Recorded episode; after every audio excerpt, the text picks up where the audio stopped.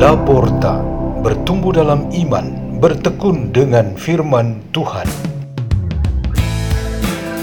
Radio Laporta, pintu terbuka bagimu untuk pertumbuhan pengetahuan dan kebijaksanaan tentang Allah.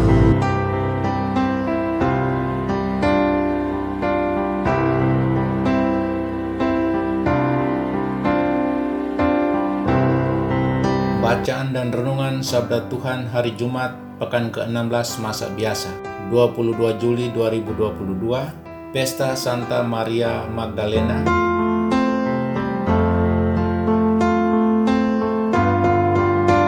Dibawakan oleh Petrus Canisius Kubawolo dan Elizabeth Welan dari Gereja Karawaci Paroki Santo Agustinus Keuskupan Agung Jakarta.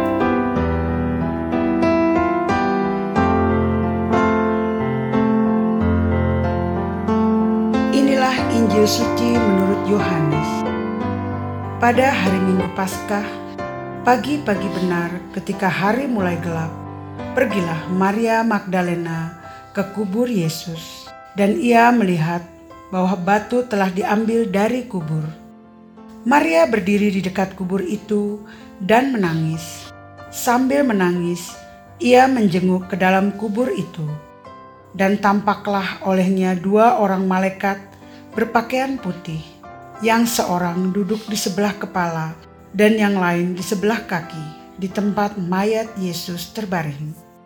Kata malaikat-malaikat itu kepadanya, "Ibu, mengapa engkau menangis?" Jawab Maria kepada mereka, "Tuhanku telah diambil orang, dan aku tidak tahu di mana ia diletakkan." Sesudah berkata demikian, Maria menoleh ke belakang. Ia melihat Yesus berdiri di situ, tetapi ia tidak tahu bahwa itu adalah Yesus.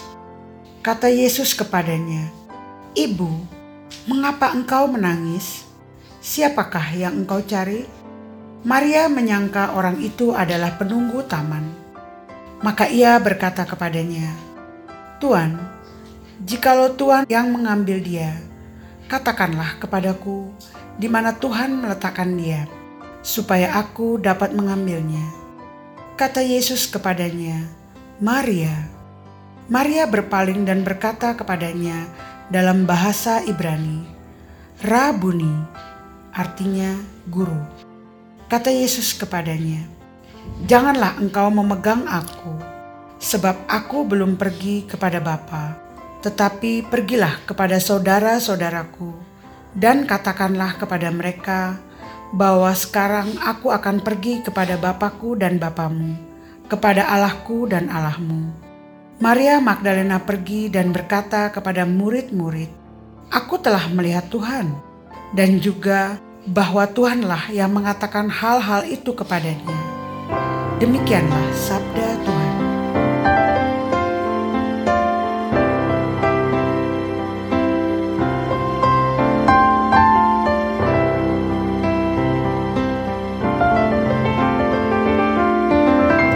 kita pada hari ini bertema mengambil bagian dalam cinta kasih Kristus.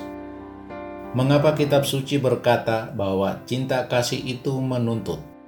Pertanyaan ini dari seorang gadis terhadap pacarnya yang selalu mengantar dan menjemputnya setiap kali pergi dan pulang kerja. Pemuda itu menjawab singkat, "Kalau seseorang didorong oleh cinta, maka ia bahagia untuk melakukan setiap kebaikan. Ia tidak terpaksa untuk melakukan itu. Benar sekali, hubungan mereka tumbuh dengan baik dan indah. Hari ini kita memperingati Santa Maria Magdalena, wanita Yahudi pada zaman Yesus. Ini dikenal sangat dekat dengan Yesus. Ia adalah orang pertama yang menyaksikan Yesus bangkit. Hubungan yang amat dekat ini dapat menjadi pembelajaran cinta bagi kita. Patokan kita ialah cinta kasih Yesus, yaitu persembahan diri bagi kebaikan dan keselamatan sahabat-sahabatnya. Pada saat dan waktu yang tepat, perbuatan cinta itu menuntut. Sebagian besar mungkin 90% cinta itu mendorong seseorang untuk mencintai. Sementara sisanya 10% mungkin berisi keraguan, takut, malu, bingung, dan kurang paham. Maria Magdalena membalas semua cinta kasih Yesus dalam kondisi yang tidak sempurna. Puncaknya ialah ketika ia ketakutan dalam mencari jenazah Yesus di makam dan agak sulit mengenali Yesus yang bangkit sebelum Yesus sendiri memanggil namanya. Dalam situasi seperti inilah, cinta itu cenderung menuntut dan mempengaruhi Maria agar segera mengakui bahwa itu adalah Tuhan yang bangkit.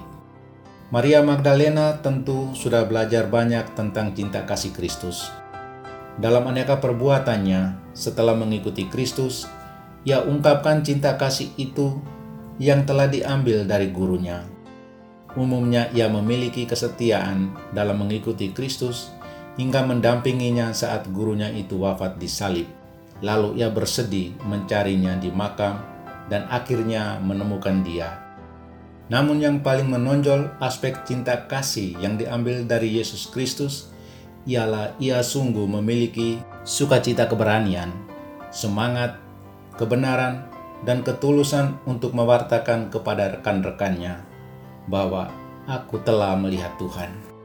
Dengan bertindak seperti ini, Maria Magdalena ingin menginspirasi para rasul dan kita semua yang mendengarkan firman ini, seolah-olah menantang kita. Ayolah, aku sudah ambil bagianku dari cinta kasih guru kita, Yesus Kristus maka kini giliran kalian untuk mengambil bagian dari cinta kasih Yesus itu. Jangan biarkan keharuman cinta kasih Kristus itu sia-sia tanpa disukai dan diambil. Pertanyaan sebagai tantangan dan refleksi bagi kita ialah Anda cocok untuk aspek cinta kasih apa yang dapat Anda ambil dari Yesus Kristus? Marilah kita berdoa. Dalam nama Bapa dan Putra dan Roh Kudus. Amin. Terima kasih ya Yesus Tuhan atas dirimu dan ajaranmu tentang cinta kasih. Kuatkanlah dan penuhilah kami dengan cinta kasihmu itu. Salam Maria penuh rahmat Tuhan sertamu. Terpujilah engkau di antara wanita dan terpujilah buah tubuhmu Yesus. Santa Maria Bunda Allah doakanlah kami yang berdosa ini sekarang dan waktu kami mati. Amin. Dalam nama Bapa dan Putra dan Roh Kudus. Amin. Radio Laporta, pintu terbuka bagimu.